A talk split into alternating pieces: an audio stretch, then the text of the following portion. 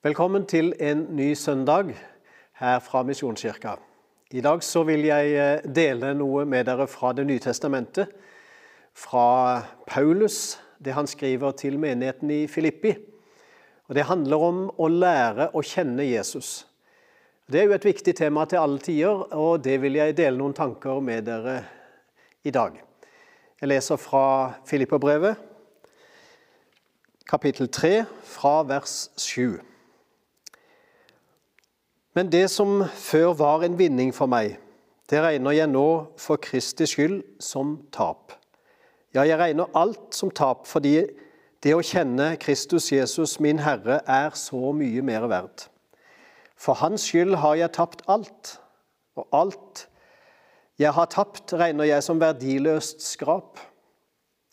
Bare jeg kan vinne Kristus og bli funnet i ham. Ikke med min egen rettferdighet, den som loven gir, men med den rettferdigheten jeg får ved troen på Kristus. Det er rettferdigheten fra Gud, bygd på tro. Da kjenner jeg Han og kraften av Hans oppstandelse, og får del i Hans lidelser og blir Ham lik når jeg dør som Han. Måtte jeg bare nå fram til oppstandelsen fra de døde. Så langt eh, Paulus. Det er noe med det å spørre kjentfolk hvis vi trenger viktig informasjon. Et, en av fjellvettreglene våre heter vel noe sånn som 'lytt til erfarne fjellfolk'. Eh, skal du på en langtur, kanskje på ski om vinteren, der været skifter fort og du ikke kjenner terrenget fra før, eller ikke har gått løypa, eller området, så er det lurt å spørre noen som har gjort det. Alltid klokt. Det har vist seg så mange ganger. Og ikke være overmodig, men eh, begynne med det safe og spør noen som kan, Spør noen som vet. Og Slik er Paulus på en måte et eksempel på dette her. Det å lære å kjenne Jesus. Men han hadde en lang vei, og han eh, måtte begynne på en måte på bånn. Det som han trodde var en fordel for seg, det ble ikke en fordel, men rett og slett en stor ulempe for ham. Paulus hadde jo lang erfaring. Ehm, han hadde vokst opp i et eh, godt hjem. Han, han var opplært, han var godt skolert osv. Han hadde skriftkunnskap. Altså han på mange måter han kunne sine bokruller, hvis en kan bruke det uttrykket. For det var bokruller de hadde på den tida. Og Disse kunne han, og de hadde han lært, og han kunne teologien, altså læren om Gud. Han kunne Skriftene. Dette var viktig for Paulus, og det la han veldig vekt på. Og Der var altså han.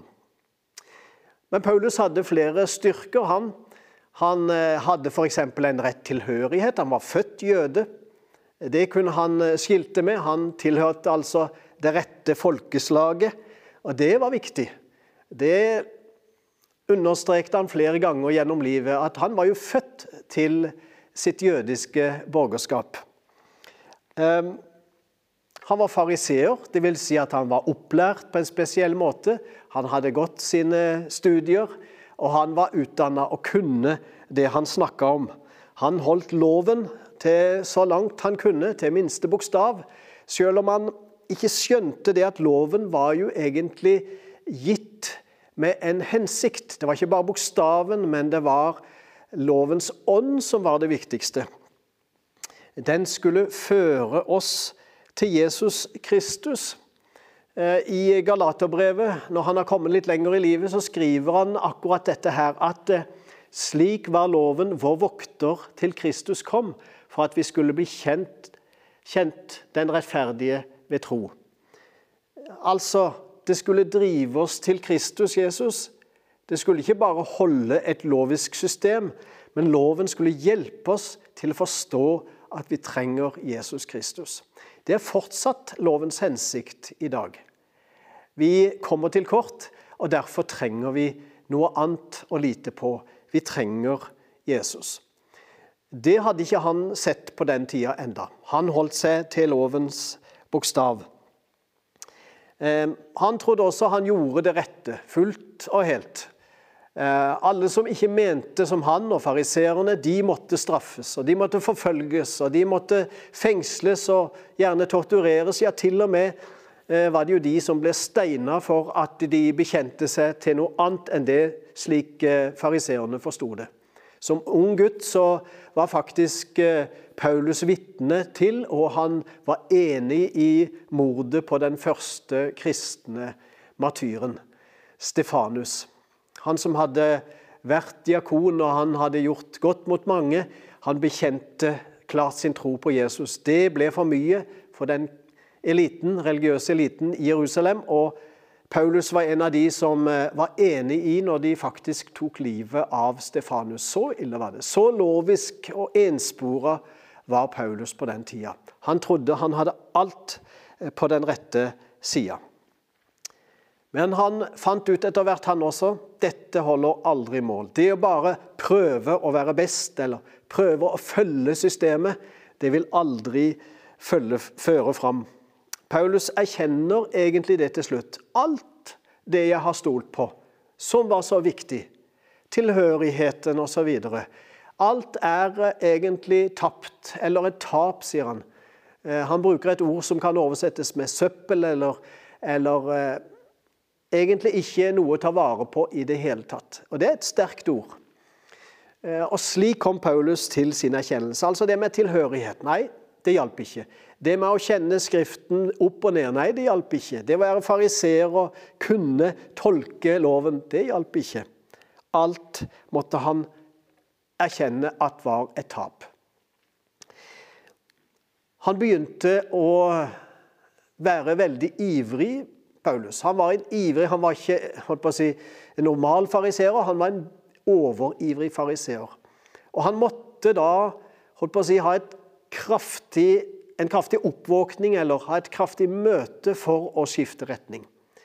Og det ble et virkelig kraftig møte på veien til Damaskus. Der var han for å ta livet av eller eh, fengsle de kristne og stille de for rett i Jerusalem. Eh, han var på vei til Damaskus, Damaskus som er hovedstaden i dagens Syria. Et aktuelt område i dagens storpolitikk òg.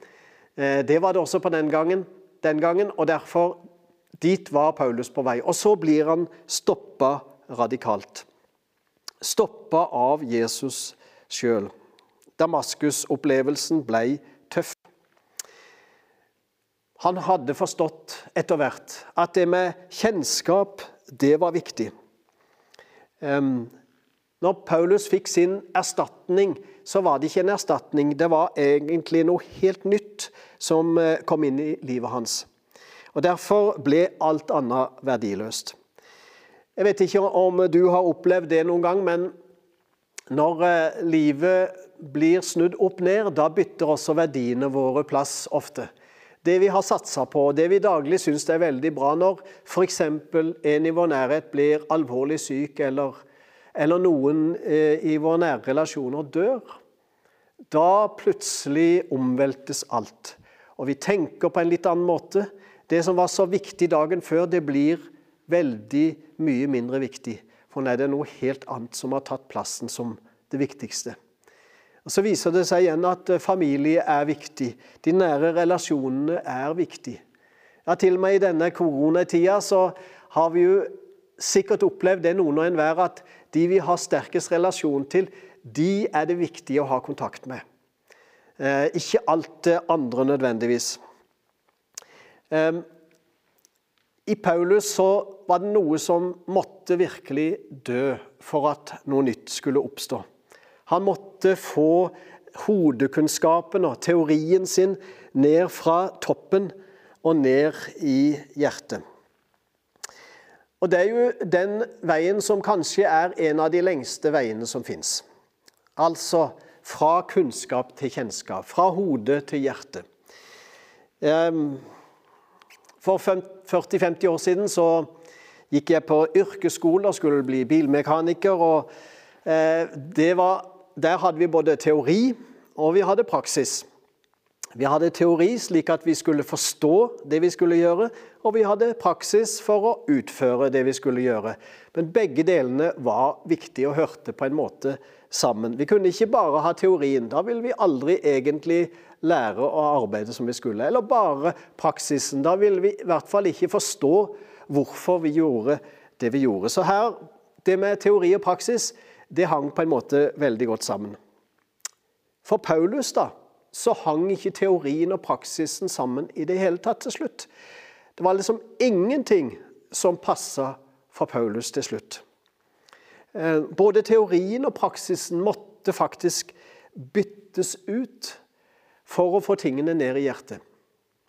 Jesus har et eh, sitat han kommer med i Matteusevangeliet. Der siterer han egentlig eh, fra profeten Jesaja. Når Jesaja hadde fått sin kallsopplevelse, så sier Gud til Jesaja, for dette folkets hjerte er fett, tungt hører de med ørene, og øynene har de lukket til så de ikke kan se med øynene, ikke høre med ørene, ikke forstå med hjertet, står det. Det høres nesten motsetningsfullt ut, det å forstå med hjertet. Vi tenker at vi skal forstå med hodet og kjenne med hjertet.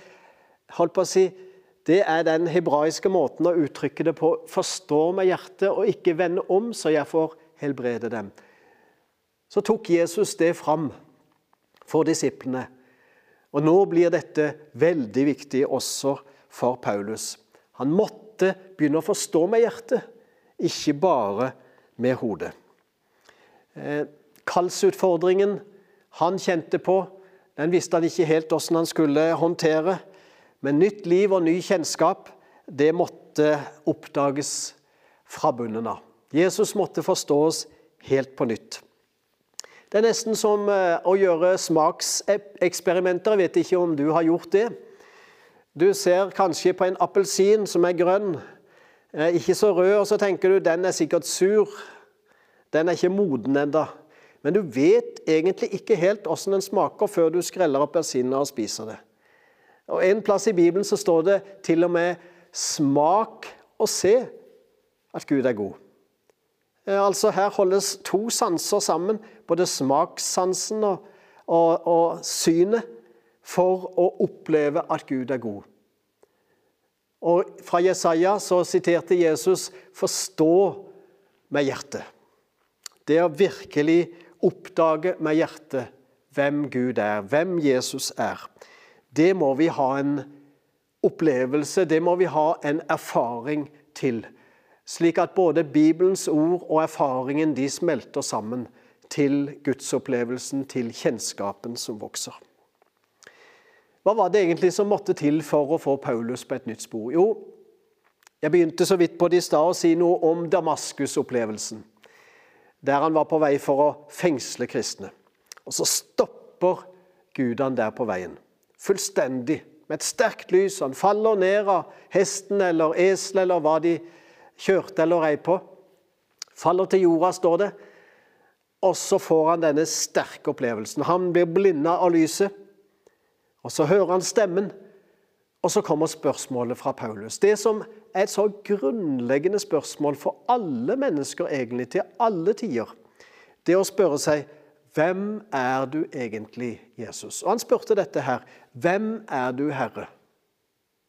Jeg er han som du forfølger, sa Jesus ut av det klare lyset som han møtte der. Og Slik var det altså. Paulus måtte helt ned på bunnen igjen og lære det helt fra bunnen. Hans tidligere teologi eller skriftforståelse eller hans ideologi den passa ikke det hele tatt på hvem Jesus egentlig var, hvem Gud er. Og så måtte han lære det på nytt igjen. Jeg spør meg av og til hva må til i vårt liv for å lære ting helt på nytt? Eh, det hender at det må sterke opplevelser, eller det hender at det må en lang utvikling til. Jeg har sett det av og til på eh, alfakursene som vi kjører her i kirka, at eh, lyset på en måte tennes over lang tid. At mennesker får en tid på å modnes og utvikles. Og en dag så er på en måte alt på plass. En ser mer hvem Jesus er. Men det har tatt sin tid. Noen trenger å få det med brask og bram. En skikkelig kalddusj eller en skikkelig såkalt Damaskus-opplevelse, nesten slik som Paulus eh, fikk det. For at de måtte stoppe opp og vende seg helt en annen vei. Slik var det for Paulus. Og da begynte han et nytt liv. En ny vei, en ny retning for hele sitt livsverk. Det er på en måte ingenting som kan sammenlignes med livet Paulus levde før, og det han nå lever. Og det er symptomatisk for hvordan han så på Gud. På veien inn i Damaskus, ja, der var Paulus eh, tøff med bokrullene under armen. Han hadde på en måte grep om Gud. Så fikk han denne opplevelsen. Og etter noen dager i Damaskus, der han får møte Jesus på nytt igjen, så må han rømme om natta, firt ned fra eh, bymuren i ei kurv som ble holdt av et par kristne venner. Eh, da er det Gud som har Paulus under armen eller i sin lomme. Det er Guds forvandling til. Fra å tro at vi har grep om Gud, vi har forstått det, til å erkjenne at vi kanskje ikke har forstått noen ting, til at Gud får grepet om oss, og at vi er i Guds lomme. Da begynner kjennskapen å vokse. Fra det punktet kan vi lære å kjenne Jesus. Hva må til i vårt liv? Ja, det vet bare du og jeg, eh, slik vi er satt sammen. Men jeg er i hvert fall sikker på at kjennetegnet på om eh, det har skjedd noe, at kjennskapen har begynt å vokse i våre liv Jeg er ganske sikker på at kjennetegnet på det, det er at vi har lært å prioritere Jesus først av alt. Han er den viktigste. Det kommer ingen ved siden og ingen over. Han er den første, og etter han kommer alt det andre. Om det er familie eller arbeid eller andre interesser eller hva vi måtte ha osv. Eh, Jesus kommer først. Da har den omveltningen begynt å skje i våre liv. Da har kjennskapen til Jesus begynt å vokse. Dette tror jeg er et viktig punkt i dagens eh, liv for mennesker, for du og for meg. At eh, vi må sette Jesus først. Først da får vi anelse om hvem han egentlig er. Når vi henvender oss til han først. Når vi ber han om å guide oss i livet. Når hans svar på spørsmålene blir de beste og de viktigste. Når hans eh, si, veiledning gjennom ordet blir den viktigste veiledningen som trumfer alle andre stemmer. Da har vi begynt å lære Jesus å kjenne. Da har vi hatt vår Damaskus-opplevelse. Og Fra da av kan vi begynne å leve kjennskap, livet med Jesus, begynne å vokse. Og Fra da av begynner egentlig vi å forstå med hjertet, som det står.